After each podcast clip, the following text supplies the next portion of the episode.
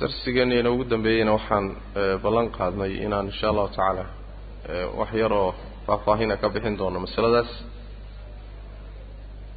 Mas'alada ah ilaahay magacyadiisa tabaaraka wa tacaala ma isagiiba ma wax kala ma isagaa iska leh. Waa mas'alo doodeedu ay soo baxday bacda ala'ima imaamyadii waaweynaa gadaashooday masaladu timid khaasatan sida sheikhu lislaam ibnu taymiya uu tilmaamayo bacda axmeda wagayrihi buu leeyahy alimaamu axmed iyo kayrkii a'imadii ka horreysay gadaashood bay masaladu soo baxday. Waktigoodii iyagu intay noolaayeen shaafici maalik iyo axmed iyo mubaarak iyo a'imadii waaweynaa intay noolaayeen zamankoodii waxaa jiray nimanka jahmiyada la yidhaahdo qowl ayda ay lahaayeen oo iyagu ay keeneen oo ka mida bidaca ay soo kordhiyeen. Qowlkaasi wuxuu leeyahay waxay dhihi jireen ooy qabeen asmaa'u ullahi makhluuqa ilaahay magacyadiisu waa makhluuq bay qabeen. Waana midda ay ka timid in ay yidhaahdaan asmaa'u ullahi hayruhu ilaahay magacyadiisu waa hayrkii waa wax kale. Yacni ayagoo doonaya inay gaadhaan maa kaana hayruhu fa huwa makhluuq. Wixii aan alla ahayn waa makhluuq. Sidaas daraaddeed magacyada alle isagii ma ah qasab marka waa inay makhluuq yihiin. Arrinta marka halkaasay ka timid saan horeyba u sheegnay asalkeedu waxay ka timid inay yidhaahdeen ilaahay magacyadiisu waa makhluuq. Doodii baa marka waxaa ka dhashay inay yidhaahdaan ilaahay iyo magacyadiisu laba shay bay kale yihiin. Wixii aan alla ahaynna waa makhluuq sidaasay asmaada ilaahay makhluuq ku tahay.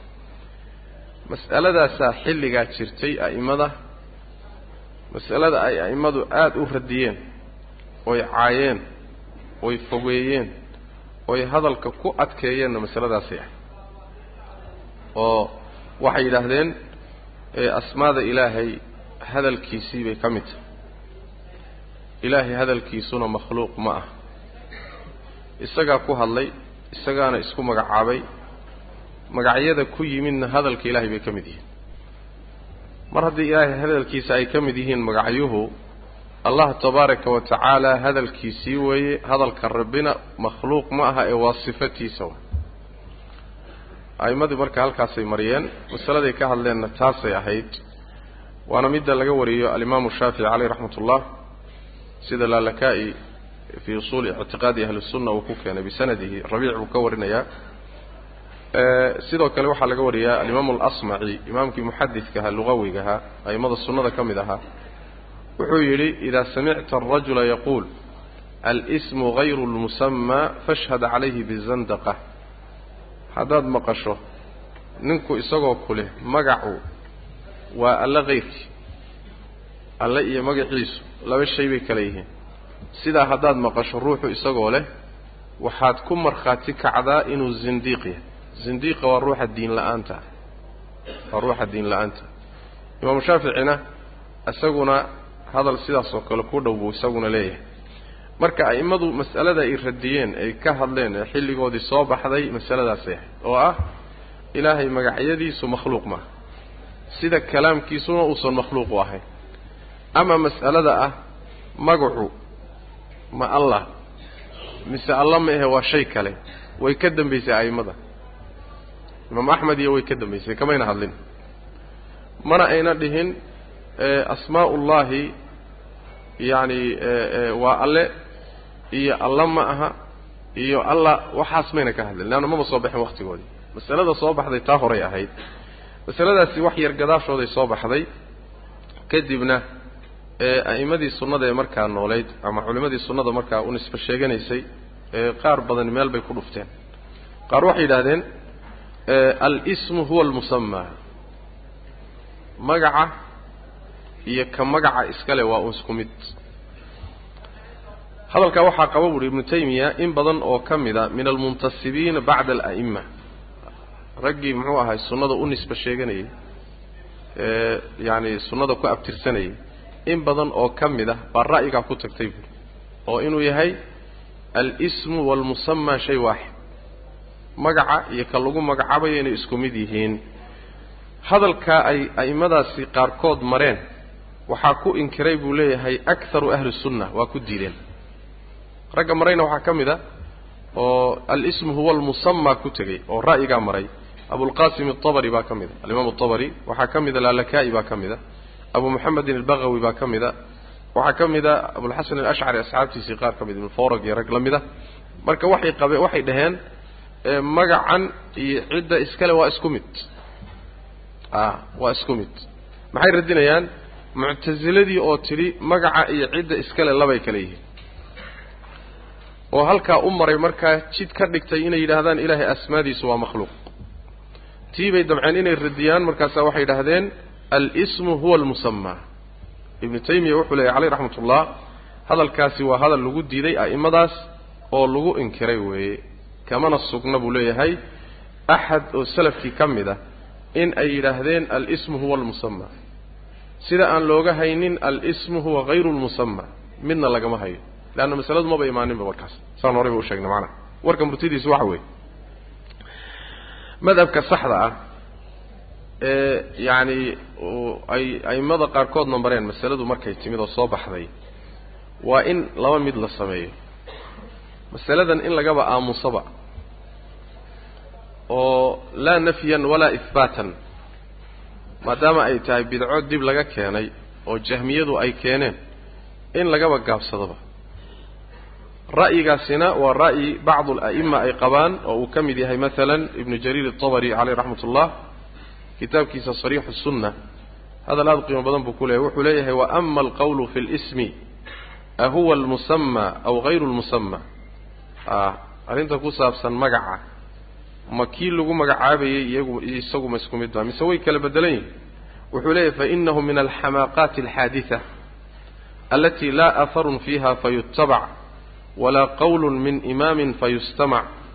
A yacani doqonnimada dib ka timid bay ka mid tahay buuhi waxyaalaha doqonnimada ah nacasnimada ah caqliyarida ah ee dib ka timid bay ka mid tahay buuhi wax la soo guuriyey oo cilmi ah oo la raacana male buuhi imaam hadalkii oo la dhegaystana male buuhi masaladu. Faalkhawdu fiiha shayn waasamtu canha zayn buuhi a in la dhex galo waa ceeb. In laga aamusana waa qurux buuhi waxasabu imri'in min alcilmi bihi waalqawli fiihi an yantahiya ilaa qawli llahi ilaa qawli اllahi wajala hanaa'uhu alsaadiq wa huwa qawluhu qul idcu allaha aw idcu araxmaan ayama tadcuu falahu alasmaa'u alxusnaa waxaa ruuxa ku filan buuhi oo cilmi iyo hadalba ugu filan inuu ku ekaado ilaahay hadalkiisa uu yidhi qul idcu allaha aw idcu araxmaan ama alla ugu yeedh ama araxmaan ugu yeedh mid kastood ugu yeedhaba ilaahay magacyo wanaagsan buu leeyahay falahu alasmaa'u alxusnaa intaa inaad ku gaabsato ood halkaa ku ekaato ayaa kugu filan buu yihi cilmi hadalba saasaa kugu filan. Ayib wayaclam ana rabbahu huwa aladii cala alcarshi istawaa. Isla markaana uu ogaado addoonku inuu rabbigii yahay midka carshiga ka sarreeya. Lahu ma fi اsamaawaati wama fi اlardi wama baynahuma wama taxta aharaa wuxuu yidhi marka faman tajaawaza dalika halkaa ruuxii gudbood tilaaba faqad khaaba wa khasira wa dalla wa halaka buui waa khasaaray oo waa hoogay oo waa lumay oo waa halaagsan saasuu leeyahy bimacnaa marka wuxuu leeyahay masaladaasi mataahaadkeeda iyo warkeeda iyo hal ilismu huwa almusamaa aw hayruhu aw lah waxaa in la galaayay in laga aamusaa ka fiican buu leeyahay oo halkaa lagu gaabsado.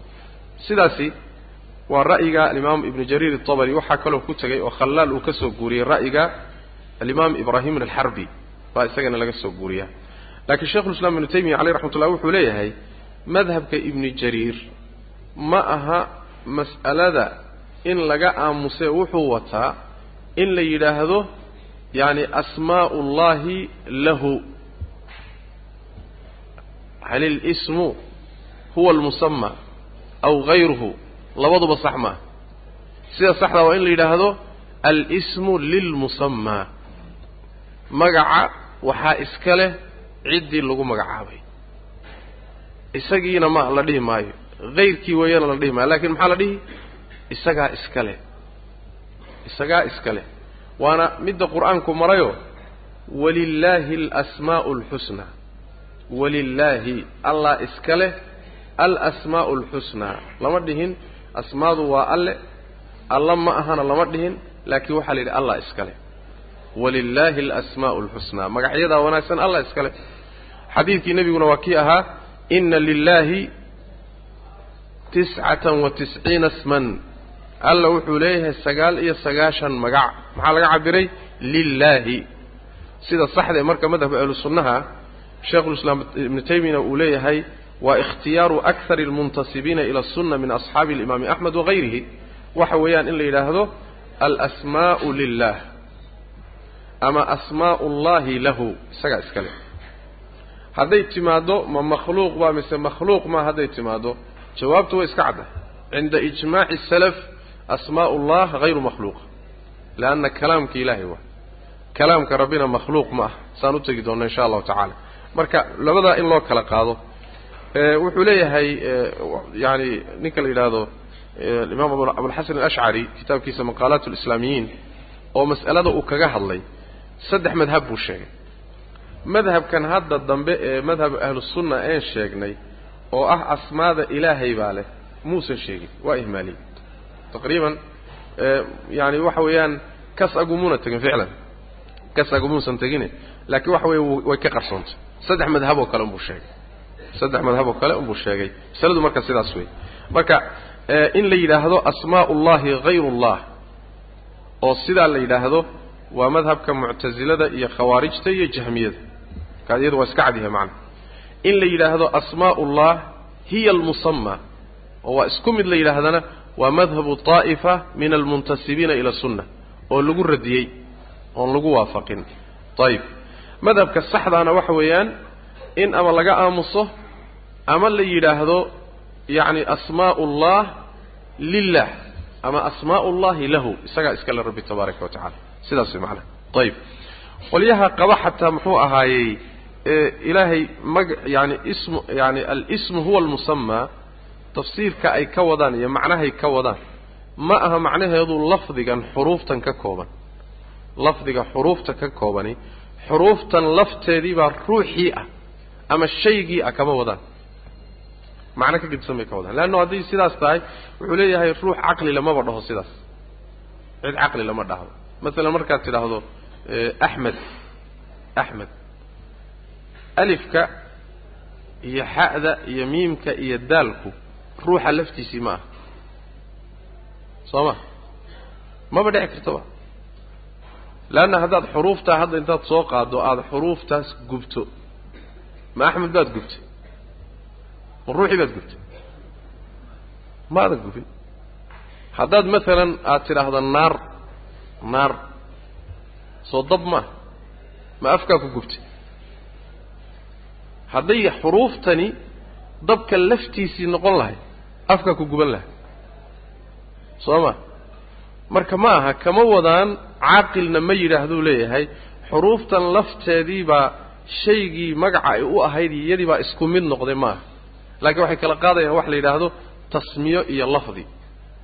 Tasmiyadu waxay leeyihiin waa xuruufta lafdiguna shaygii magacan iska lahaa iyo lafdigii baa isku mid ah. Masaladaasi waa matahaad tafaasiisheeda laga yaabo hadda in lagu wareere. Ee waxaad u noqotaan ciddii doonaysa inay akhrido.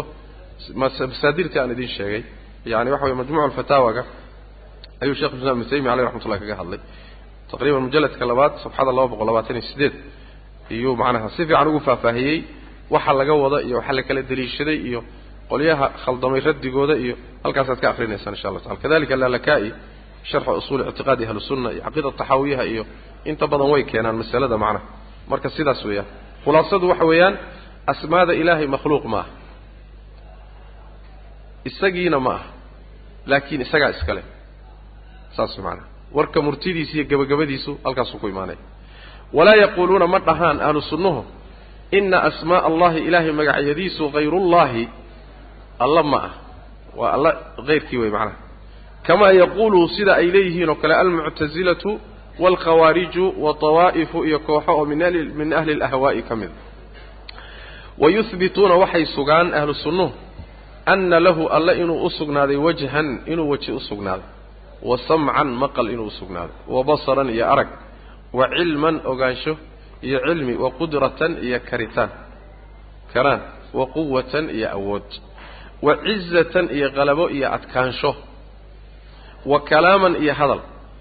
Laa calaa maa yaquuluhu sida ay leeyihiin ma aha ahlu zayqi leexashada kuwa u ehelka ah ama leexashada kuwa u saaxiibka oo min almuctasilati iyo wahayrihim ah. Ma aha sida ay qolyaha jidka sunnada ka leexday ay qabaanoo muctasilada iyo kayrkooda ay ka mid yihiin. Siday kuwaasi leeyihiin ma ahee allah tabaaraka wa tacaala sifaatkaasuu leeyahay ayib meesha waxaynu ka garannay muctasiladu ilaahay tabaaraka wa tacaala sifaatkiisa way diidan yihiin dabcan waxaa ugu horreeyey nimanka la yidhahda jahmiyada. Shar oo dhan jahmiyuu ka yimid. Jahmiyuu ka yimid. Sifaatkaasi ama ha noqdeen sifaatka khabariga ah ama sifaatul afcaalka ha noqdeen ama sifaatka macaanida ha noqdeen sifaadka oo dhan muctasiladu waxba kama ogola. Kulli way wada diideen ayib jahmiyadaas sidoo kale la mid ah oo iyaguna diidan. Waxay khilaafsan yihiin marka oy ka leexdeen dariiqii kitaabka iyo sunnada iyo ijmaacii salafkay gara mareen oo tilmaamaya inuu allah tabaaraka wa tacaala sifaad leeyahay. Sifaadkaasi kuwa khabariga ha noqdeen sidaan horey u soo tilmaanay sifatulwajhi buu hadda ka sheegay. Sifatulwajhi yacani waa sifaad uu rabbi weligii ku sifaysnaa weligiina uu ku sifaysnaan doono. Yacni waxa weeyaan ayaa la yidhaahdaa. Aanan lagu keeni karin yacni macnahooda aan ijtihaadiya lagu keeni karin sida aan soo sheegnay sifaadka noocaasa la yidhaahdaa sifaat alkhabariya sifaadka kaleetana waa sifaat daat kuwan kale uu sheegay laftooda oo waa sifaat yani rabbi tabaaraka wa tacaala lam yakun mutasifan biha walaa yazaalu mutasifan biha walan yazaala mutasifan biha sifaadka noocaas oo kale waxaa la yidhahdaa sifaat daati ah. Sifaat daat baa la yidhahdaa. Marka maqalka iyo aragga iyo cilmiga iyo qudrada iyo quwada iyo ciziga iyo kalaamka kulli saas waa.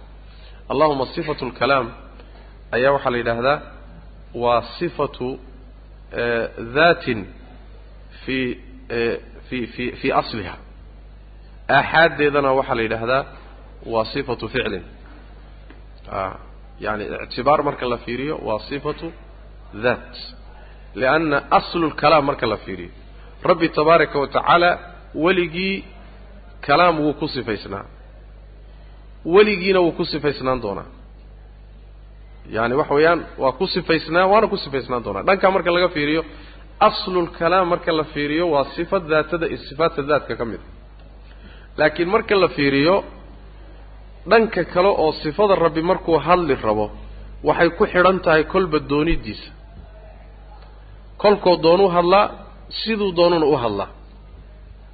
Soo ma? Dhankaa marka laga fiiriyana waxaa la yidhaahdaa waa sifatu ficlin. Leanna sifaatulficliga waxaa la yidhahdaa waa sifaadka ku xidhan doonidda rabbi. Mashii'adiisa ku xidhan. Kolkuu doonuu sameeyaa markuu doonana ma sameeyo. Sida sifada nusuulka oo kale markuu doonuu soo degaa sifada maalan istiwa cala alcarshi oo kale. Markuu doonuu sameeyaa maalan sifaadka muxuu ah sifada maji'a imaanshaha oo kale wahaakada sifada hadalka oo kale marka aaxaaddeeda la fiiriyo. Markuu doonuu hadlaa tawreed buu ku hadlay injiil buu ku hadlay qur'aankuu ku hadlay malaa'igtuu la hadlaa rabbi tabaaraka wa tacala rusushuu qaar toos ula hadlay.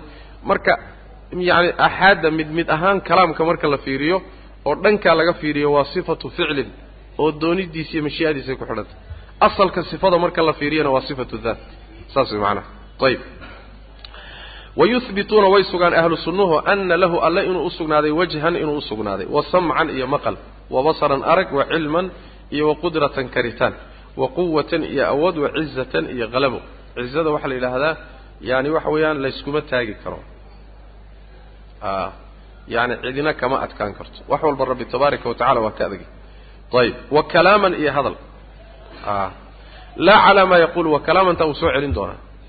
Allah hadalkiisa tabaaraka wa tacaala meel gooniyuu kaga hadli doonaa inuu yahay uusan sifatiisa uu yahay uusan makhluuq ahayn. Waana masalo soo socota laa calaa maa yaquuluhu sida ay leeyihiin ma aha arrintu ahlu zayqi leexashada kuwa ehelka u ah oo min almuctasilati iyo wakayrihima oo maxay leeyihiin?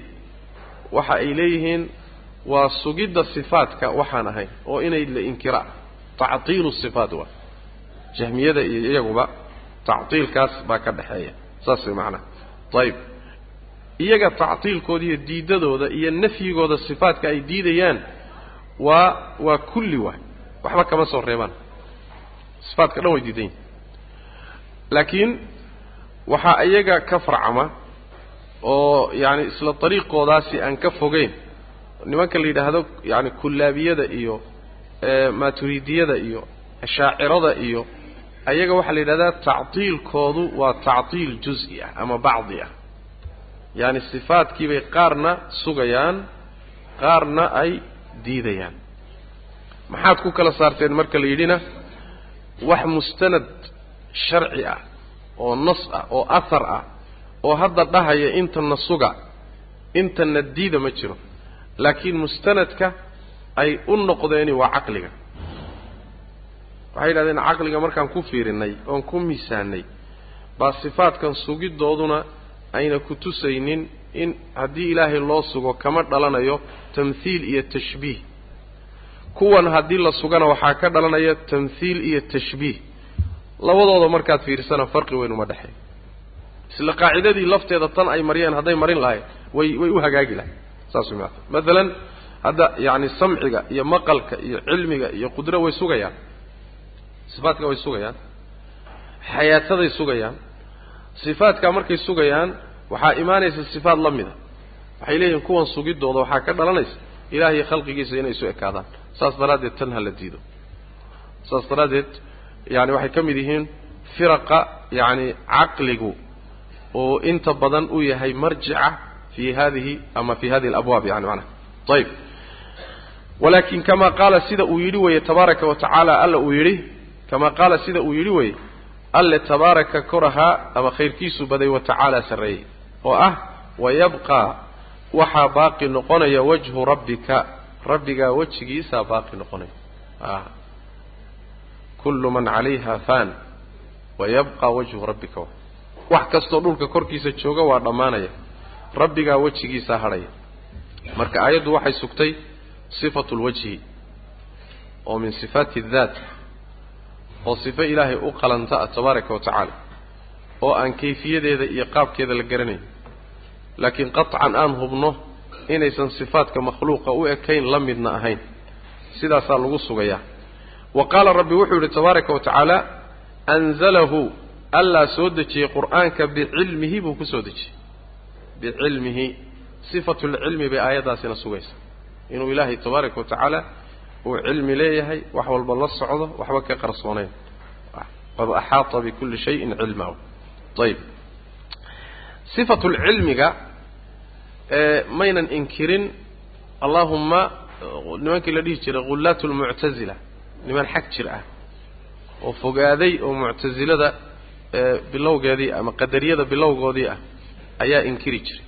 Oo waxay dhihi jireen anlaa qadara wa ana alamra unfun bay dhihi jireen wax horay loo qadaray ma jiro. Wax ilaahay qoondeeyeyna ma jiro. Wax ilaahay horay u ogaadayna ma jiro. Wax horay loo qorayna ma jiro. Wax walbana markaa uu dhacahayuu cusub yahay.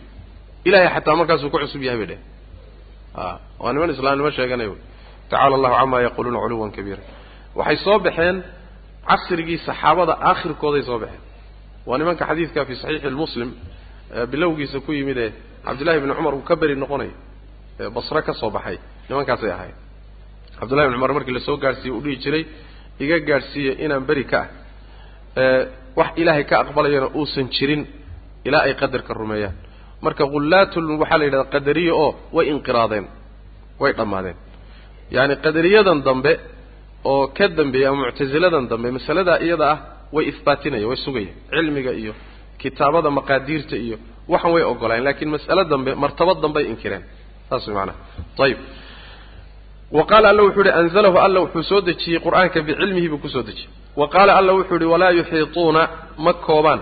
Bishayin shay ma koobaan. Oo min cilmihi alla cilmigiisa ka mida ilaa bimaa shaaa wuxuu doono mooye. Intuu alla doono oo cilmigiisa ka mida unbuu addoommada u furaa. Intaa unbayna koobaan. Wax kalooy garan karaan ma jiro. Wa qaala alla wuxuu yidhi waa sifatulcilmi bay sugaysaa macnaha wa qaala alla wuxuu yidhi falilaahi ilaahay bay u sugnaatay alcizatu halabadu jamiican dhammaanteed. Adkaanshaha dhammaanteed ilahay baa iska leh. Waa sifatu lciza ayib wa qaala alla wuxuu yihi tabaaraka wa tacala waasamaaa samadii banaynaahaa waan dhisnay biaydin baan ku dhisnay. Xoog baan ku dhisnay. Biaydin. Aydintaasi gacmo ma ah. Mufasiriin badan say qabaan. Ay biquwatin baa laga wadaa. Biquwa asalkaa kala gedisan. Yaddu meeshay ka timid ishtiqaaqeeda iyo aydintu meeshay ka timid ishtiqaaqeedaa kala duwan. Meesha aslahaan kelimadu ka soo jeedo. Marka aydinta bimacnaa biquwatin bay ku fasirayaan. Waana tafsiirka ibnu katiir caleyh raxmatullah uu ka soo guurinayo cabdullahi bni cabbaas iyo mujaahid iyo qataada iyo thawri iyo hayru waaxid. In badanoo mufasiriinta ka mida waxay ku fasireen biaydin bimacnaa biquwa saas macnaha ayib wa qaala alla wuxuu yihi tabaaraka wa tacala awalam yarow miyayna arkayn aynan ogeyn? Ana allaha alle khalaqahum ana ana allaha alle alladii kaasoo khalaqahum abuuray huwa isagu ashaddu inuu yahay midka adayg badan minhum xaggooda quwatan xagga quwadda marka waa sifatu lquwa ayay ilaahay usugaysaa tabaaraka wa tacala wa qaala alla wuxuu yihi tabaaraka wa tacaala ina allaha alle huwa isaga ayaa alrazaaqu midka irsaaqidda badan ah dulquwati oo quwaddii u saaxiibka ah quwadii almatiini ee adkayd quwad adag oo aan lahayn meella ka dabacsanayn allah iska leh tabaaraka wa marka yaani alrazaaq waa ismi waay. Ilahay magacyadiisa waxaa ka mid a alrazaaq waxay xambaarsan tahay ama uu wataa magacaasi sifatu risqi irsaaqidda ilahay baa iska leh. Ayib kadalika dulquwa sifatu lquwa bay iyaduna xambaarsan tahay. Ilahay tabaaraka wa waa midka qawigaa wey fa huwa alle tacaala korahay dulcilmi waay waa midka cilmiga waay cilmi buu saaxiib yahay ogaanshuhu saaxiib yahay waalquwati quwadda midka u saaxiibkaa waay waalqudrati karitaanka midka u saaxiibkaa waay waasamci maqalka iyo waalbasari aragga iyo waalkalaami hadalka mid u saaxiibow intaba alla tabaaraka wa mid u saaxiibow kama qaala tacaala siduu alla u yidhi walitusnaca in lagu sameeyo darteed oo lagu sanceeyo calaa caynii ishayda. Lagugu sanceeyo. Yacni waxaa laga wadaa calaa caynii bimacnaa araggayga aan ku arkayo iyo ilaalin aan ku ilaalinayo in lagugu sanceeyo lagugu sameeyo. Waa nebi muuse laga hadlaya. Ayib wa qaala wuxuu uhi wasnac sancee nuuxow alfulka doonta samee biacyuninaa waxaad ku sancaysaa aragga indhahanagu ku arkayaan iyo ilaalinta aan ku ilaalinayno ku samee. Waa waxyinaa iyo waxyiganaga dartii ku samee baa le ayib yani ama musaaxabadiisa. Ba'du musaaxaba ka dhiga darta. Ayib walitusnac calaa caynii waxay sugaysaa aayaddaasi iyo wasnaci lfulka biacyunina waxay sugaysaa sifatu lcayn ilaahay tabaaraka wa tacaala inuu indho leeyahay saas macanaa inuu indho leeyahay calaa caynii waa mufrad waa il. Biacyuninaana waa indho waa jamac. Labadoodubana waxay imaanaysaa isma diidaysa saan horeyba uga soo hadalnay. Waxaa laga wadaa sida xadiidkii muxuu ahaay dajaal qisadiisa ku imaan jiray. Ina rabbakum laysa biacwar a rabbigiin tabaaraka wa tacaala ma ilaa dajaal waa ila'yah laakiin rabbigiin ma ilaa xadiidkaa iyo keyrkiiba waxay ka qaateen a'immadu waana madhabka ahlusunna alla tabaaraka wa tacaala inay laba indhood leeyahay marka calaa cayni mufradkani ma diidayo sababtu waxa weeyaan waa mufrad la idaafeeyey. Mudra mufradka haddii la idaafeeyana wuxuu ku tusaa hal wax ka badan. Jamac iyo wax badan buu faa'idaynaya cumuum iyo waxbuu keenaya. Wakadalika wasnaci lfulka biacyunina jamcinta la jamciyey iyaduna ma diidayso. Laanna saan horeyba u soo marnay ee luqadda carabiga ah ee xataa qur'aanku isticmaalay. Labada siiqo jamac waa loo isticmaalaa. Oo waa kaan soo sheegnay aayaddii qur'aanka ahayd ahayd faqad saqad quluubukumaa. Ayadoo laba qalbi ay tahay oo caaisho iyo xafso qalbigoodu uu yahay baa haddana ilaahay jamciyey oo siiqo jamciga loo isticmaalay. Marka biacyunina iyo yacni calaa cayni ma diidayso indhaha rabbi tabaaraka wa tacala inay laba yihiin sida xadiidku uu tilmaamay. Sidaasayna culimmadu ay ku jamcinayaan oo ay ku kulminayaan. Qolyaha inta badan waxaan jirin ku ilzaamiya madhabka sunnada ama culimmada sunnada ayaa waxay yidhaahdeen aayaddan walitusnaa calaa cayni. Waxay ka fahmeen macno khalada markaasaa waxay u deliishadeen in waxay u yaqaanaan ta'wiilku uu laga maarmaan yahay marar fara badan. Ta'wiilka waa waxa taxriif loo yaqaano iyagu ta'wiil bay dhahaan. Si ta'wiilka taxriifka iyagu ta'wiilka ay u yaqaanaan ay qiil ugu helaan bay aayadahan oo kale marka keeneen waxay yidhaahdeen waad ku qasban tihiin inaad macnaha daahirka ka leexisaan oo maxay tahay? Walitusnaca calaa cayni. Daahirkeedu wuxuu ku tusayaa bay dhaheen. Ishayda korkeeda in lagugu sameeyo calaa cayni. Tajri biacyuninaana waxaa daahirkeedu ku tusayaa bay dhaheen doontu inay isha ku ku socoto. Waxaasi waxa weeyaan yacni waa waa waa waa cajamka aan luqadda carabiga iyo asaaliibteeda garanaynin baa macnaha noocaasa fahmi ama macnaha noocaasa u qaadan. Wailaa usluubka carabiga kalaamka carabiga marka la fasirayo wuxuu tafsiirkiisa iyo fahamkiisu u baahan yahay inaad siyaaqa hadalku suu u socdo maxaa ka horreeya maxaa ka dambeeya jumladu say u taallaa halkaasaa macnaha daahirkaa laga qaataa. Laakiin kelimada keligeed lagama qaato. Kelimada keligeed lagama qaato. Haddii aad tidhahdo masalan muxuu ahaayey muxuu ahaayey luqadahoo dhan bay ku jirtaa. Luqadahoo dhan ayay ku jirtaa. Waan ku arkaa waa kula socdaa waa ku xifdinayaa marka loo isticmaalayo ayaa asaaliibta noocana la isticmaalaa. Kalaamkii carabiga ahaa marka kuma yimaado. Waxaana diidaya allah tabaaraka wa tacaala carshiguu ka sarreeya. Nebi nuuxna doontiisu dhulkay joogtaa. Say ku dhici kartaa marka inay noqoto daahirka hadalka fahamkiisa yani daahirka ah. Yani waxa weye tajri biacyunina say daahir ku noqon kartaa carshigu alla ka sarreeyaa doontuna dhulkay joogtaa. Say daahir ku noqon kartaa inay isha ku socoto. Macquul ma ah laa lafdan walaa macnan ma laga fahmi karayo laakiin cajamiga aan asaaliibta luqada carabiga iyo isticmaalaadkeeda si fiican u garanaynin markaba waxaa uga soo baxaya muxuu ahaayey calaada iyo ba'dan iyo buu waxaan jirin ka fahmaya oo hadalkiibuu kelimo kelimo u kala fasiraya maanaa saxna maaha walitusnaa calaa caynihi mufasiriinta qaar ka mida waxay ku fasirayaan markaad aragtaan waliba mufasiriinta salafka qaar ka mida waxay leeyihiin bimar'a minii bimar'a minii yani litusnaa calaa caynii bimar'a minii ama tajri biacyunina bimar'a mina isma diidayso. A'immada sidaa ku fasirtay hadday sifatul caynka sugayaan oo a'immadii sugaysay ay yihiin waa laazimu sifay ku fasireen laazimu sifana hadduuba sifada sugayo dhib male inuu ku fasiro. Laakiin hadduu sifada diidan yahay oo markaasi uu halkaa ku cararo waxay noqonaysaa markaa nooc taxriifay noqonaysaa.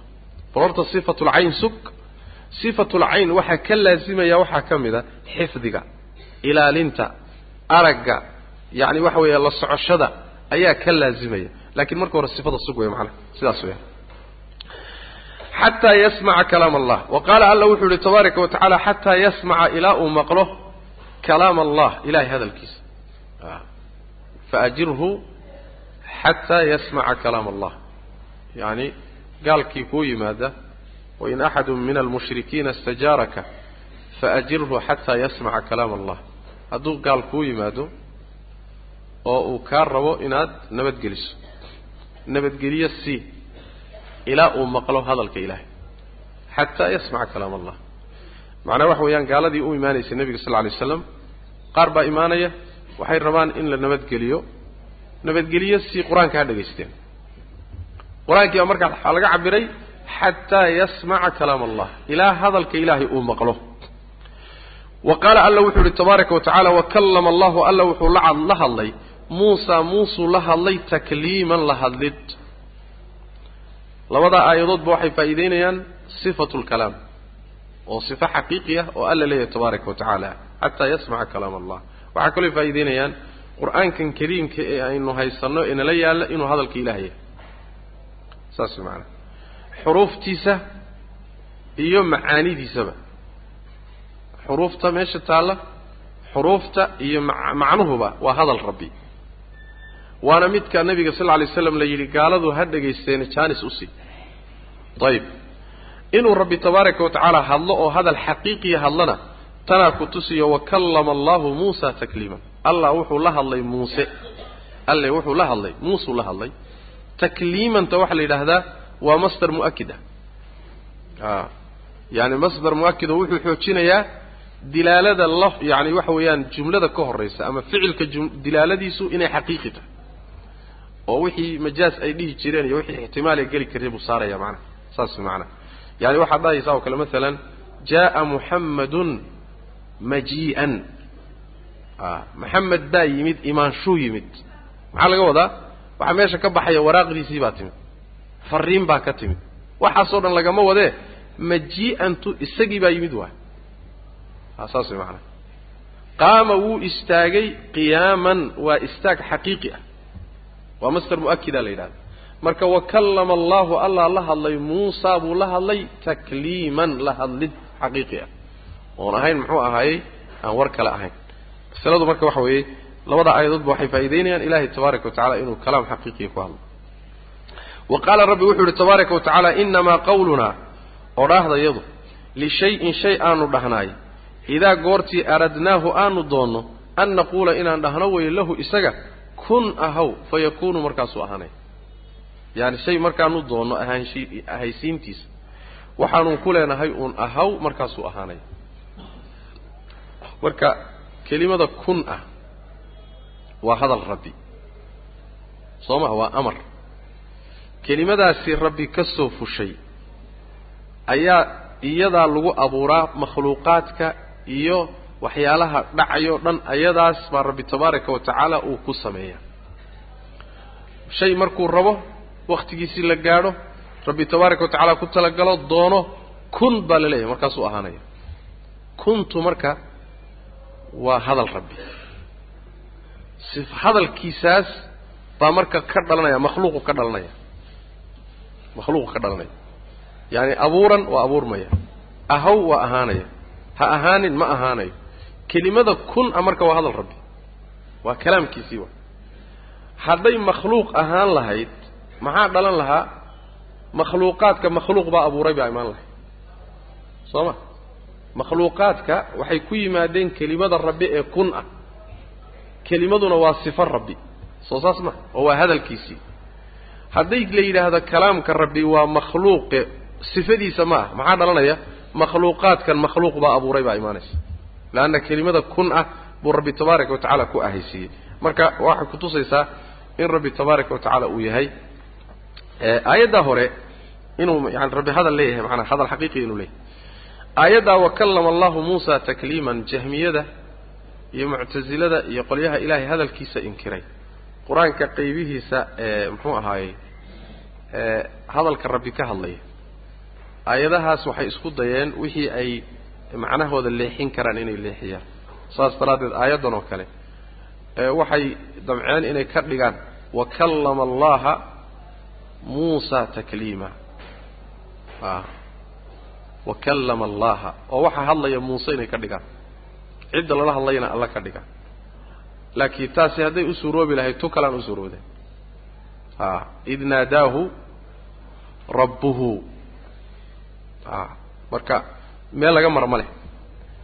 Inay ciyaaraan bay damceen waxoogaa oo muusaada yacani xarakadu ku qarsoon tahay iyo waxoogaa wax ka raaraadiyaan laakiin aayado sariixa yimid. Allah tabaaraka wa tacala oo meel ay ka mari karaan ay heer waxaa gaadhsiisay jahmi iyo raggiisu inay yidhaahdaan haddaan heli karno. Qur'aanka waan ka xoqi lahayn aayadaha qaarkood.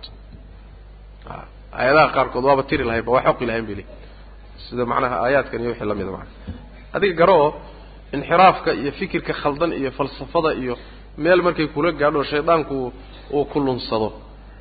Wixii xaqiiqada ahay saxda ah o dhan baa kula khaldamaya muqadimaad ayagu iska dhaadhiciyan way marka marka kalaamka rabbi tabaaraka wa waa kalaam xaqiiqiya waa sifo rabbi leeyahay tabaaraka wa bal rabbigeen tabaaraka wa sida alimaam muxuu ahaayey ninkii iska lahaa risaaladii muxuu aha asajsi uu kitaabkiisa ku keenay abu nasr asajsi wuxuu ku keenay adilada yani kutusaya rabbi tabaaraka wa inuu hadlo. Wuxuu ka mid dhigay nabiyullaahi muusa calayhi wacalaa nabiyina asalaatu wasalaam reer bani israa'iil. Markay inxiraafeen oo ay dibigii caabudeen. Allah tabaaraka wa tacaala wuxuu ku yidhi awalaa yarawna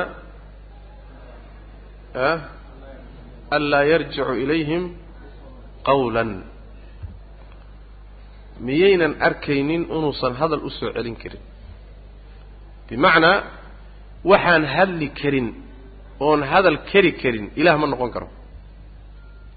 Soo ma waxaan hadli karin oon wax caddayn karin oo aan hadal lahayn oon sifadaa lahayn ilaah ma noqon karo. Sayd ku caabudeen way marka waxaan kadaata laydiin sameeyeen hadalba idin idiin jawaabi karinba meeshaa marka waxaa ka muuqata allaha xaqa ay khalqigu caabudaan waa hadlaa hadal xaqiiqiya buuna leeyahay macnaha ayib madhabkaasi waa madhabu saxaaba iyo madhabu salaf fii asrihim. Wax haba yaraatee khilaafa cinda salaf masaladaa kuma jiro. Kalaamka rabbi tabaaraka wa tacala inuu yahay sifo xaqiiqiya inuu yahay. Waxaa kaleeto oo iyadana axaadiista nebigu xaday sal lla lay rabbi kalaamkiisu inuu leeyahay xuruuf sawd la maqlayana leeyahay. Xadiidka fi saxiix iyo keyrka ku yimid sawd la maqlayana waa leeyahay xuruufna waa leeyahay. Waa kalaam xaqiiqiya marka. Qur'aankan inoo yaallana kalaamka rabbi buu ka mid yahay tabaaraka wa tacala wayaquuluuna waxay leeyihiin buu yidhi ahlu sunnuhu maa maa yaquuluhu waxa ay leeyihiin almuslimuuna muslimiintu biasrihim dhammaantood. Ahlu sunnuhu waxay qabaan oo madhabkoodu yahay waxa ay muslimiintoo dhan wada qabaan oo ah maa shaaa allahu kaana wamaa lam yasha laa yakuun arrintaasay kulligood wada qabaan muslimiintuna waa wada qabaan oo ah maa shaaa allahu wuxuu alla doono kaana waa ahaadaa oo waa dhacaa wamaa lam yasha wuxuusan dooninna laa yakuunu ma ahaado ma dhaco kama qaala tacaala siduu alla yidhi wamaa tashaa'uuna ma doontaan ilaa an yashaaa allahu inuu alla doono mooye ma doonaysaan inuu alla doono mooye yacni dooniddiinnu waxay raacsan tahay ta alle. Doonidda alle marka la helo unbay tiinu suuroobi kartaa. Haddaan ta alle la helin tiinu ma socon karto. Wamaa tashaa'uuna ilaa an yashaa allah. Fiqradan wuxuu kaga hadlay sheekhu mas'alada la yidhaahdo mashii'ada. Mashii'at ullah mashii'ada waxaa laga waxaa laga wadaa waa martabad ka mida maraatibta qadaaga iyo qadarka ilaahay tabaaraka wa tacaala marka hore waxyaalaha kownka ka dhacayo oo dhan kulligood wuu ogaaday. Cilmigiisa asaligee saabiqaa bay ku hormartay waa la waa la socday. Ogaanshaha kadib alla tabaaraka wa tacaala wuu qoray. Oo wax walba waa qoran yahy waa martabada labaad. Wax walba waa qoran yahy qoritaanka waxaa ku xiga oo martabada xigta ay tahay alla wuu doonaa markuu damco inuu ahaysiiyo ama markuu doono inuusan ahaysiinin dooniddiisaa ku dureersata shay kasta dooniddiisuu ka soo fulaa markuu doono martabada xigtaay waxay noqonaysaa martabatu alkhalqi waaliijaad markaasuu shaygii ahaanayaa oo abuurmayaa oo uu bannaanka yacni u soo baxaya. Maraatibta marka qadaaga iyo qadarka in la rumeeyo u baahan waxaa ka mid a shay ilaahay mashii'adiisa iyo dooniddiisa ka hoos baxsan ma jiro. Saas macanaha addoommaduna doonitaan bay leeyihiin. Sida madhab ahlusunna u yahay mashii ay leeyihiin ikhtiyaar bay leeyihiin waxbay sameeyaan laakiin dooniddooda waxay daba taallaa oy raacsan tahay ta rabbi. Rabbi wuxuu doonay oo isagu qadaray oo qorsheeyey unbay dooni karaan oo fulin karaan wuxuusan rabbi doonin tabaaraka wa tacaala kama dhici karo kownkiisa kama dhici karo. Madhab ahlusunna waljamaca waa sidaa wey macanaha mashii'adaasina waa mashii'ada kawniga wey oo iraadada kawnigaa isku micnahi macnaha yihiin. Mashii'ada kawniga ah khalqigao dhan baa hoos yimaada.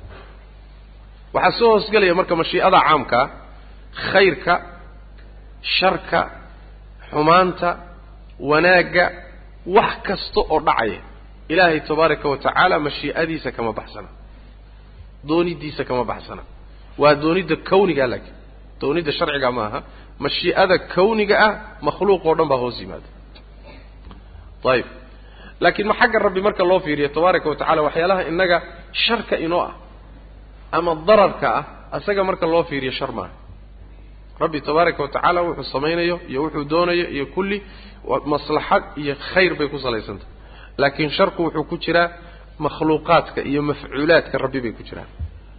Yacni waxaa kala jira faacil iyo ficil iyo mafcuul baa kala jira. Saddexdaa haddaad kala fahamto wax badan baa kuu fududaanaya. Faacilku waa sameeyaha ficilkuna waa samaynta. Mafcuulkuna waa la sameeyaha soo ma ayib lilahi almathalu laclaa laakiin adiga masalan maraad tolaysaa kaba soo qaad. Maraad tolaysaa ama guri baad dhisaysaa adiga marada tolaya waxaa tahay tole. Soo ma? Guri baad dhisaysaa dhisaa tahay dhise. Camalka aada haysa iyo shaqadaad haysana iyo ficilkaaguna waxaa la yidhaahdaa maxaa la dhahaa? Tolid baa la dhahaa ama dhisid shaqadii aada haysay waxa ka dhashay ee ka soo baxayna iyo midhuhuna muxuu noqday dhismo ama mare aada toshay yaa ka soo baxay soo ma?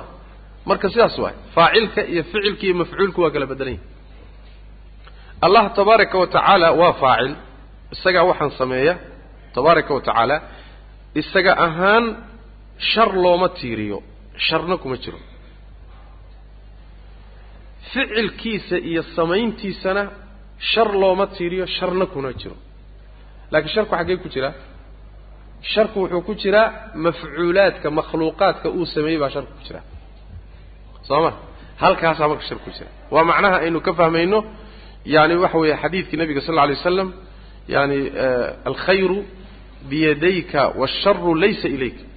Saas maanaa yani khayr oo dhan gacantaadu ku jiraa sharkuna xaggaaga ma aha shar xagga rabbi ma aha tabaaraka wa tacala wa anna laa nadri asharun uriida biman fi اlardi am araada bihim rabbuhum rashada mu'miniintii jinka markay hadlahayeen ma ogin bay dheh dhulka ma shar baa lala rabaa mise rabbigood dhulka dadka ku nool iyo khalqiga ma shar baa lala rabaa mise rabbigood khayr iyo wanaag buu la rabaa shar baa lala rabaa markay lahaayeen alla mayna u tiirinin maxay dheheen laa nadri asharun uriida majhuul bay ka dhigeen am araada rabbu am araada bihim rabbuhumna allay u tiiriyeen. Wixii rashad iyo khayra allay u tiiriyeen wixii shar'ana waxay ka dhigeen faacil la'aan bay dhigeen. Soo ma? Marka macnaheedu ta'adub keliya mahe sida saxiix ahe allah tabaaraka wa tacaala makhluuqaadka o dhan mashii'adiisay hoos tagaan laakiin afcaashiisa wax shara kuma jiro daatadiisana wax shara kuma jiro sifaadkiisana wax shara kuma jiro laakiin mafcuulaadkiisa uu abuuray iyo makhluuqaadkaa sharku ku jira macnaha sidaas macnaha wayaquuluuna waxay leeyihiin maa yaquuluhu lmuslimuun mas'aladaa yaa khilaafsan marka. Ilaahay mashii'adiisa inuu wax kasta hoos yimaado yaa khilaafsan. Waxaa khilaafsan qadariyada. Qadariyada baa waxay sugeen oo addoommada u sugeen mashii'a iyo doonitaanta ilaahay ka madax bannaan iyo samayn iyo abuurta ilaahay ka madax bannaan.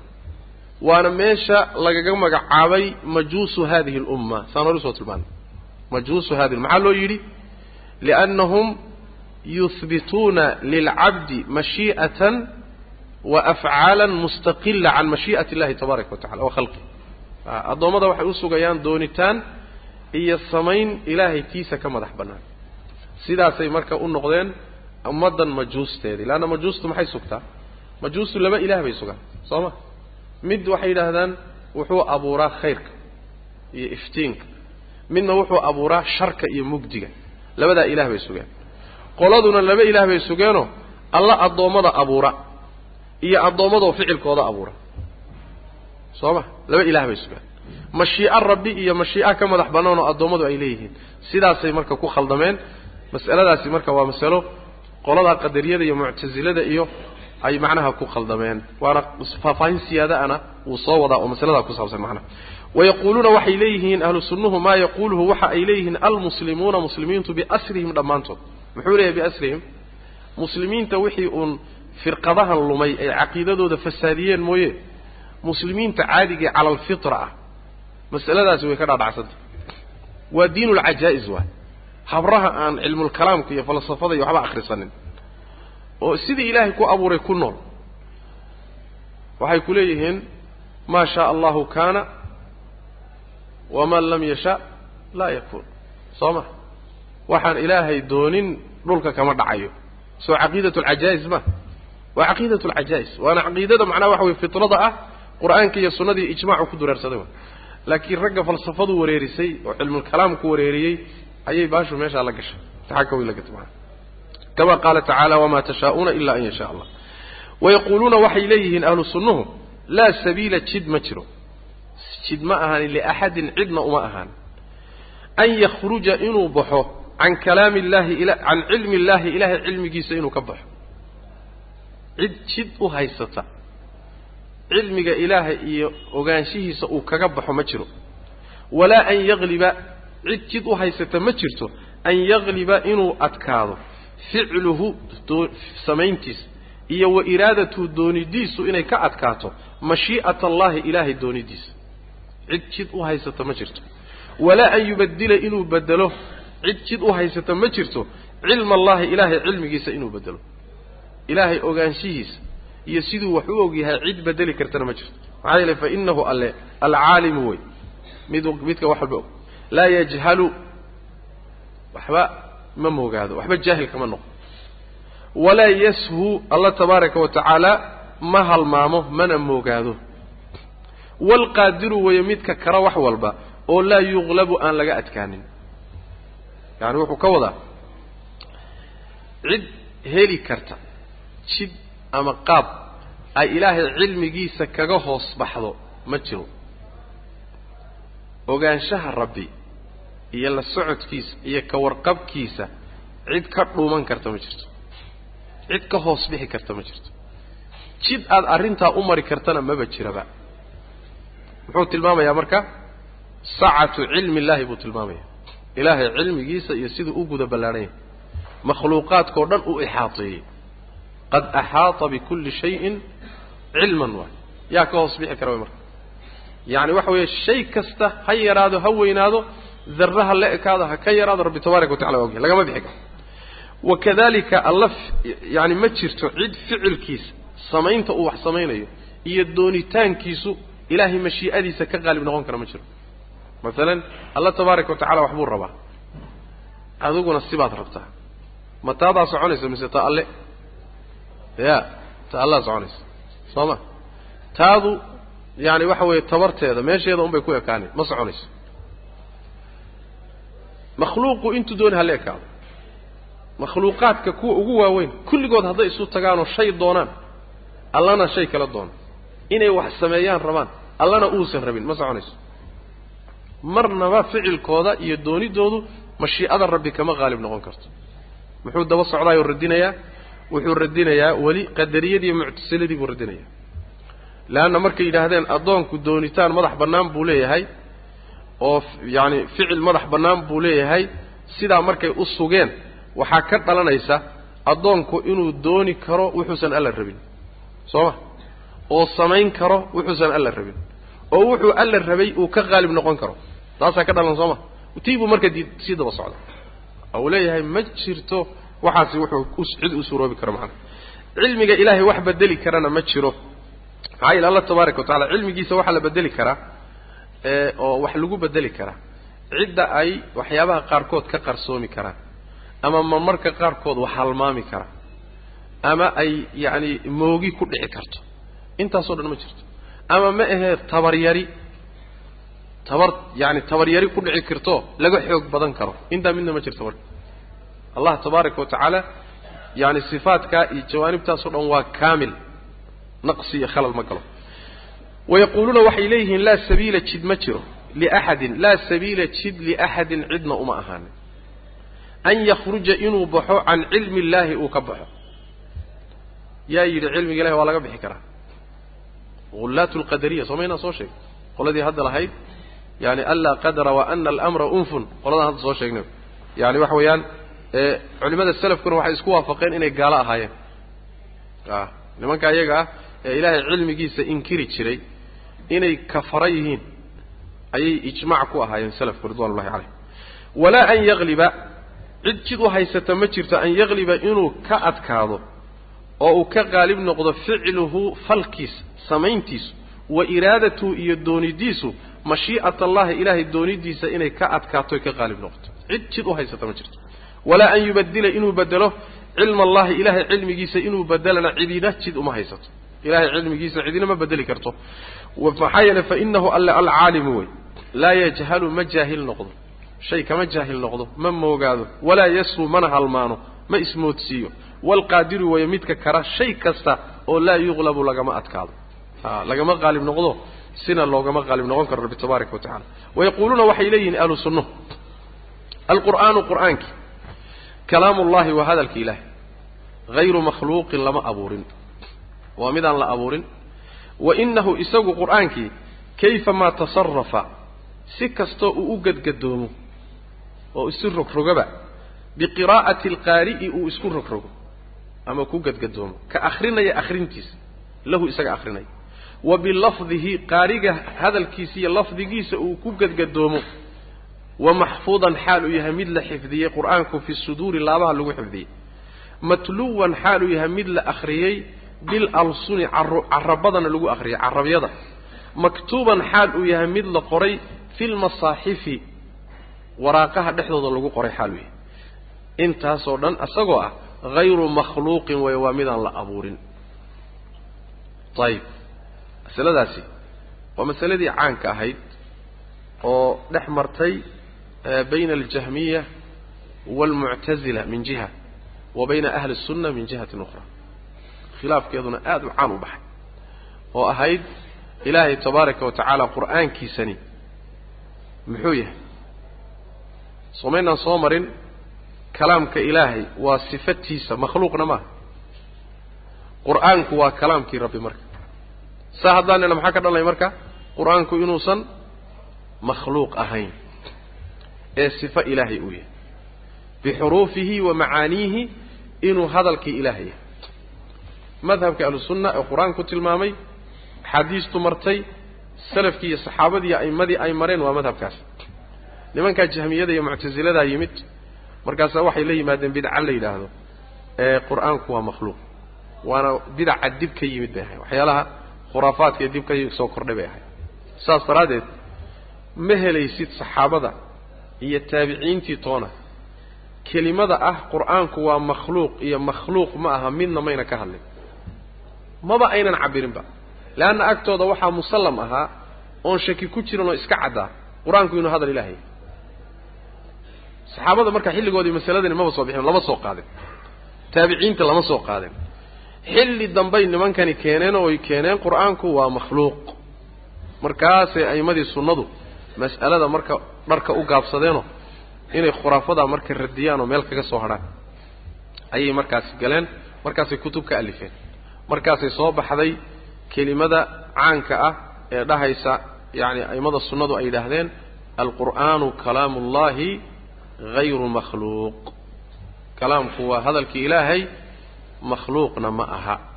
Waa sifo rabbi tabaaraka wa tacala qolyahaasay ku radinayeen wayna ku qasbanaadeenoo walow saxaabadii iyo taabiciinta iyo kelimada ayna isticmaalin. Haddana duruuftaa keentay. Maadaama ahlulbidacii ay keeneen oo yidhaahdeen waa makhluuq waa in la yidhahdo makhluuq ma ah soo ma marka yaani dantaa kaliftay markaas isticmaalkeeda saas weeyaan ayib markii dambe muctasiladu waa kuwii ku ku guulaystay inay madaxdii muslimiinta ku qanciyaan fikirkooda ma'muun iyo a'immadii macnu ahay nimankii khulafadii banilcabaas qaar ka mid a yay ku qanciyeen. Fikirkan ah qur'aanku waa makhluuq. Ninkii la dhihi jiray muxua ibn abi daawuudki iyo nimankii muctasilada ru'uustooda ah qudaad bay u noqdeen dawladdii bay ka mid noqdeen dawladdii bay dhex galeen khulafadii iyo madaxdiiba waxay ku qanciyeen in qur'aanku uu makhluuq yahay. Intaa keliya mayna ku gaabsanina waxay yidhaahdeen madhabkaa nin kastoo ka soo horjeedo culimmada muslimiinta ka mida waa in loo yeedhoo la imtixaano. Ninkii qiri waayo qur'aanku inuu makhluuq yahayna waa in qoorta loo caseeyo ama xabsi la geliyoo la jeedlo la karbaasho fikirkii buu qaatay marka ma'muun iyo nimankii madaxda a qaateen markaasa a'immadii muslimiinta waxaa loogu lagu bilaabay imtixaan. Nin nin in loogu yeedho nin kastoo caanoo la yaqaanay in la soo qabto. La hor keeno maxkamadda la keeno o yidhahdo maxaad ka qabtaa qur'aanka hadduu yidhaahdo waa makhluuqna la sii daayo. Hadduu yidhaahdo makhluuq ma ahana qaar la laayo iyo qaar xabsiga la dhigo waa fitnada marka caanka ku ah waxaa loo yaqaanaa fitnatu khalqi lqur'aan baa la yidhahda a fitnadaasi rag fara badan baa ku gala oo a'immada sunnada ka mid oo lagu laayay qaarna xabsi bay ku galeen waxaana ka mid ahaa qaar badan oo a'immada sunnada ka midana way iska xeeladaysteen. Oo dee markay seeftu taagan tahay oo xaaladdu culus tahay. Yacni rukaska shareecadu ogoshahay baa waxaa ka mid a bishuruutihi inaad iska xeeladaysan karto. Ragga qaarkood xoogaa seeftay ka yaragka badeen oo iska xeeladaysteen ragna wayse soo taageenoo dee waxay yidhahdeen maanta haddii la xeeladaysto soo sunnadii dhiman mayso oo bidcadu daahiri mayso oo diintii bedelmi mayso hala islaayo. Saasaa qaar lagu laayay waa fidnada marka uu caanka ku yahay alimaamu axmed caleyh raxmat ullah mawqifkiisa uu kula baxay imaamu ahli sunna. Imaamu ahli sunna wuu istaagay kadibna waa la xidhay waa la jeedlay waa la karbaashay dhib aan yarayn baa loo taqriiban waxaan u malaya afar mise saddex khaliif ayaa isaga dambeeyey isagoo xabsiga ku jira oo xukunka isu bedelay. Markii dambe ayaa waxaa yimid yaani nin fikirkii bedelay oo qaatay muxuu ahay madhabkii ahlusunnaha dib ugu soo noqday markaasaa xabsiga laga soo saaray isagoo dhibaato badan loo geystay macnaha. Imaamu ahlu sunna meeshaasuu yani kula baxay isagii aimo kaleetaba raggii hawshaa isu taagay bay ahaayeen. Marka masaladu masale dhib badan oo fooda laysla galay oo laysku rafaadiyey oo kutub laga qoray oo laga niqaashay oo halkaa martay bay masalada marka khalqu qur'aan. Madhab ahlusunna waljamaca marka waa sidanoo qur'aanku waa kalaam ilaahay makhluuqna maaha warku waa intaa. Warku waa intaa. Halkan uu marka kalaamka intiisa kale hadalka intiisa kale wuxuu doonayaa inuu kala saaro. Qur'aanka akrinta aada akrinayso laabta uu ku jiro carabka lagu akrinayo misxafka iyo waraaqda markuu ku qoran yahay qur'aankii intaasba markuu yaallo isaga lafahaantiisu waa kalaam rabbi waana sifo rabbi makhluuqna maaha laakiin waxan kale baa makhluuqaada. Mas'aladaasina waa mas'alo ay aada u galeen ugana hadleen a'immadu sunnadu oo waxaa laga maarmi waayey in la kala caddeeyo shubahaadka ay jahmiyada iyo muctasiladu dadka ku khaldayaan in si fiican loo dhex galo oo la kala dhigdhigo oo la kala qaado maxaa makhluuqa maxaanse makhluuq ahayn akhrinta qur'aanka markaad akhrinayso marka akhrintu iyo sawdka iyo carabka dhaqdhaqaaqaya iyo sawdka baxaya waa makhluuq adaa iska leh. Soo ma? Addoonkii baa iska leh. Laakiin xuruufta uu ku sawdaynayo iyo waxa uu akhrinayo waa qur'aankii waana sifo rabbiyo waa kalaamkiisii soo ma laabta markuu ku jiro laabta adaa iska leh. Qalbiga cadkan meesha yaalla. Waa makhluuq. Laakiin laabta waxa ku jiray xifdisan tahay. Muxuu yahay? Ya waa qur'aankii waa kalaam rabbi waay markuu misxafka ku qoran yahay khadda meesha taalla khadka qalinka qoray gacanta qortay kulli waa makhluuq. Laakiin shaygan la qoray ee meesha ku qorani muxuu yahay? Soo intaaba kama gedisa intaaba waa ka gedisa waa kalaamkii rabbi waay waa qur'aankii waana makhluuq ma aha. Makhluuq ma ahe waa kalaam rabbi tabaaraka wa tacala saasay marka u kala qaadayaan. Mas'aladaa waxaa galay a'immada sunnada qaar ka mid a galay qaarna waxay qabeen in laga gaabsado oo imaam axmed caleyh raxmat ullahi baa ka mid ahaa a'immadii qabtay in laga gaabsado wuxuu dhihi jiray man qaala lafdii bilqur'aani makhluuqun fa huwa jahmiyun. Ninkii yidhaahda lafdinta aan qur'aanka ku lafdinayo waa makhluuq waa jahmi. Kooxdaasi daalladaa buu ka tirsanya macnaha wuxuu ka wadaa jahmiyadaa waxay niman lafdiye la yidhahdaa jiray. Lafdiyada waxaa la yidhahdaa waa niman qur'aanku waa makhluuq bay dhihi kari waayeen sida jahmiyadoo kaleetana geesinimadaa way iska waayeen markaasay waxoogaa waxay bilaabeen inay si xeeladaysan oo farsamaysan ay qur'aankii ku yidhahdaan waa makhluuq. Markaase waxay la yimaadeen bidca la yidhaahdo lafdii bilqur'aani makhluuq. Lafdintu waa ku hadlidda waa akhrinta. Akhrinta aan qur'aanka akhrinayo waa makhluuq. Kelimadaasi marka waa kelimo laba macno ixtimaali karta.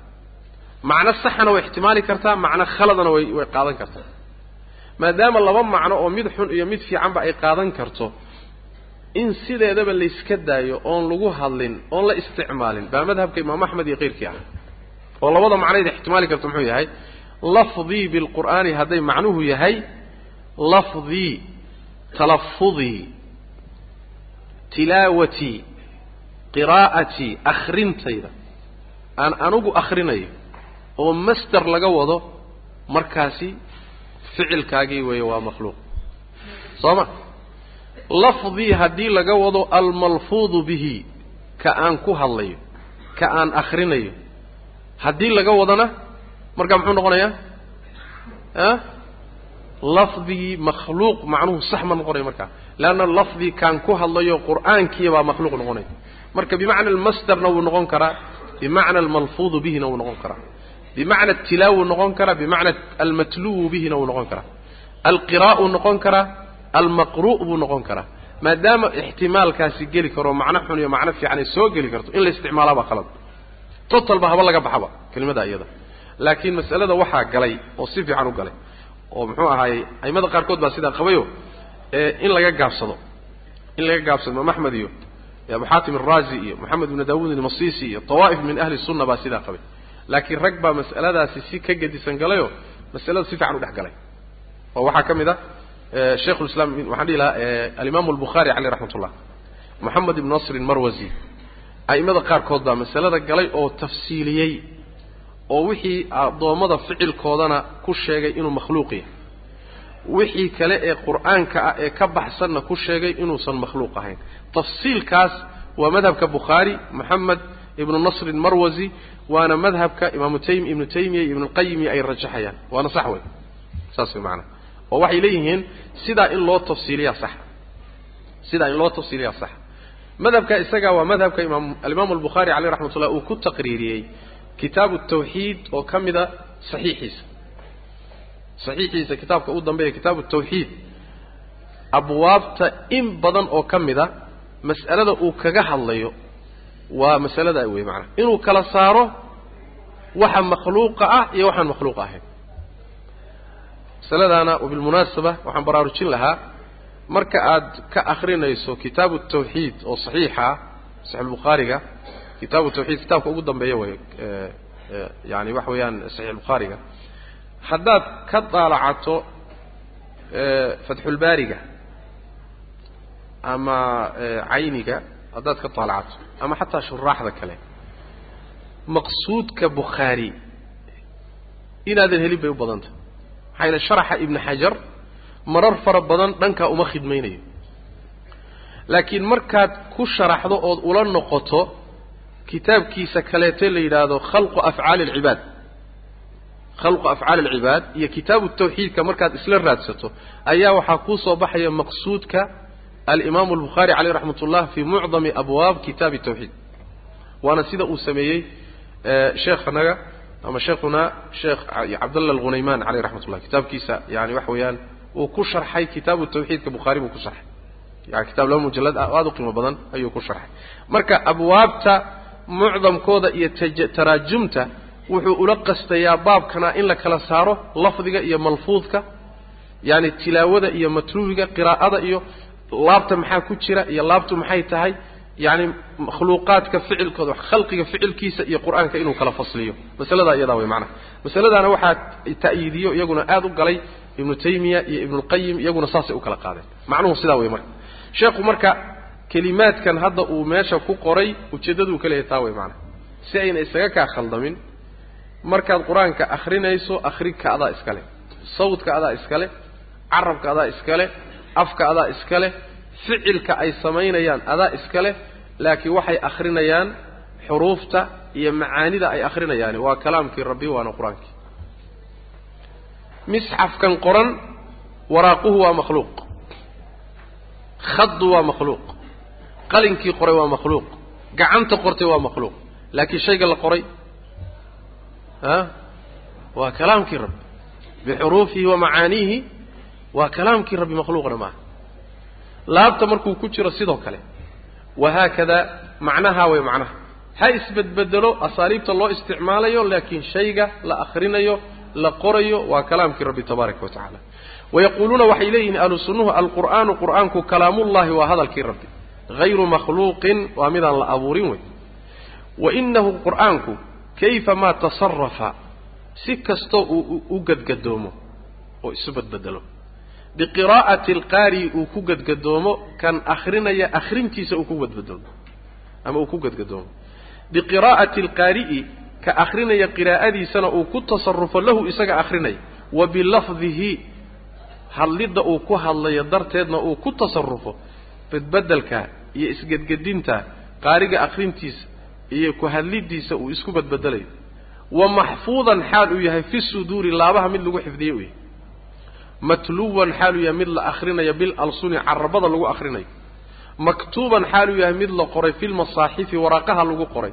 Intaasoo dhan isbedbedelkaasi hayru makhluuqin weeye. Kalaamkii qur'aankii intaasoo dhan si kasta ha isu bedelo qoraal ha isku bedelo akhrin ha isku bedelo laabta ha ku jiro waa qur'aankii waa kalaamka rabbi tabarak hayru makhluuqin wey waman qaala ruuxii yidhaahda bikhalqi lafdi lafdinta ama ku hadlidda bilqur'aani qur'aanka lagu hadlaayay waa makhluuq ruuxuu yidhaahda yuriidu isagoo ula jeeda bihi isaga alqur'aana qur'aankana ula jeeda faqad qaala wuxuu yidhi kaasi bikhalqi lqur'aani qur'aanku inuu makhluuq yahay buu yidhi. Masaladaasi waa masaladaan tilmaanayo lafdii bilqur'aani waa makhluuq haddaad tidhaahdana macno xun bay ku tusi. Hayru makhluuq haddaad tidhaahdana macno xun bay ku tusi leanna haddaad tidhaahdo lafdii bilqur'aan akhrintayda maxaad ula jeedaa? Ficilka aan samaynayo haddaad ka wado. Ee ficilka aan samaynayo haddaad ka wado sax markaa waa makhluuq. Haddaad tidhaahdo lafdii oo markaa aada ula jeedo qur'aankii ula jeedana markaa makhluuq wey haddaad tidhaahdo qur'aankii waa makhluuq baad qabtaa macnaha fahno kelimadana waxay tahay kelimo laba macno xambaari karta laba macno hadday xambaari kartana hal jawaaba ama hal khabara ma qaadan karto. A akhrintaydu waa makhluuq. Maxaad ula jeedaa akhrinta? Waxaa dhici karta inaad ka wado ficilkaaga. Samaynta adigu aad wax samaynayso. Waxaa kaloo dhici karta oo laga fahmi karaa waxaad akrinayso soo laba macno ma qaadan karto. Labada macnoba hadday qaadan karto kala fasliyoo kala saar. Haddaad ula jeedo qur'aankii makhluuq wey markaa ma dhihi karti oo wixii aad akrinaysa ula jeedo haddaad ficilkaagiiyo samayntaada ula jeedana marka waa makhluuq. Kelimadu maadaama laba macno marka ay qaadan karto waa makhluuqna ma dhihi kartid makhluuq ma ahana ma dhihi kartid. Waa inaad tafsiil geliso. A yani waxa weeyaan ruuxuu yidhaahda man qaala lafdii bilqur'aani makhluuqun fahuwa jahmi.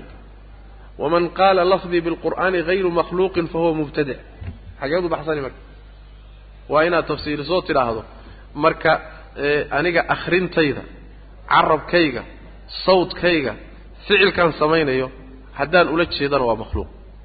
Haddaad ula jeedo kaad akrinaysana makhluuq maaha sidaa tafsiilkaasaa la gelina marka. Saas daraaddeed muxuu ina yidhi yuriidu bihi alqur'aan halkaa way dabagelisku marka bayt lqasiidku waa kaa yuriidu bihi alqur'aana hadduu yidhaahdo man qaala ruuxuu yidhaahda bikhalqi lafdi lafdiga inuu makhluuq yahay bilqur'aani qur'aanka lagu lafdiyo yuriidu isagoo ula jeeda bihi lafdigaa alqur'aana ula jeeda oo markaa uu qur'aanka ka wado faqad qaala wuxuu yidhi kaasi oo uu qabaa oo uu ku tegay bikhalqi lqur'aan qur'aanku inuu makhluuqaybu markaa qabaa wey macana haddiise uu ula jeedo man qaala bikhalqi allafdi bilqur'aani yuriidu bihi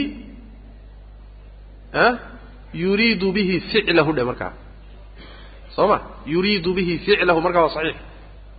Marka waa saxiix. Yaani hadduu isaga ficilkiisa ula jeedo sax waa makhluuq.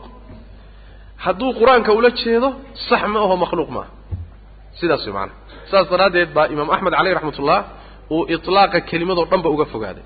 Oo in nafyan walaa ihbaat hayr walaa makhluuq walaa hayru makhluuq.